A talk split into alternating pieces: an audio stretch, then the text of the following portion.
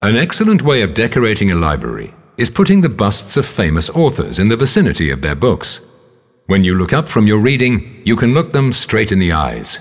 Oh, what joy and stimulation! You are now standing in the private library of the Moretus family, Plantin's successors. They were the ones who collected all the books for generations on end. The library looks exactly as it did in the 1600s. The books have been arranged by format. They're bound with white parchment and brown leather.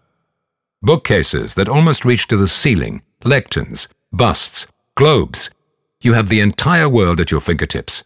In fact, this is the ultimate humanist library, with limewood busts of saints and popes and plaster heads of Greek and Roman scholars and emperors.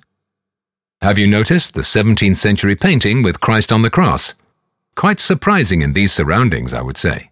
Something you expect to see in a church above the altar. Well, that is exactly where the painting used to be. For quite some time, the big library served as a private chapel for the publishing firm.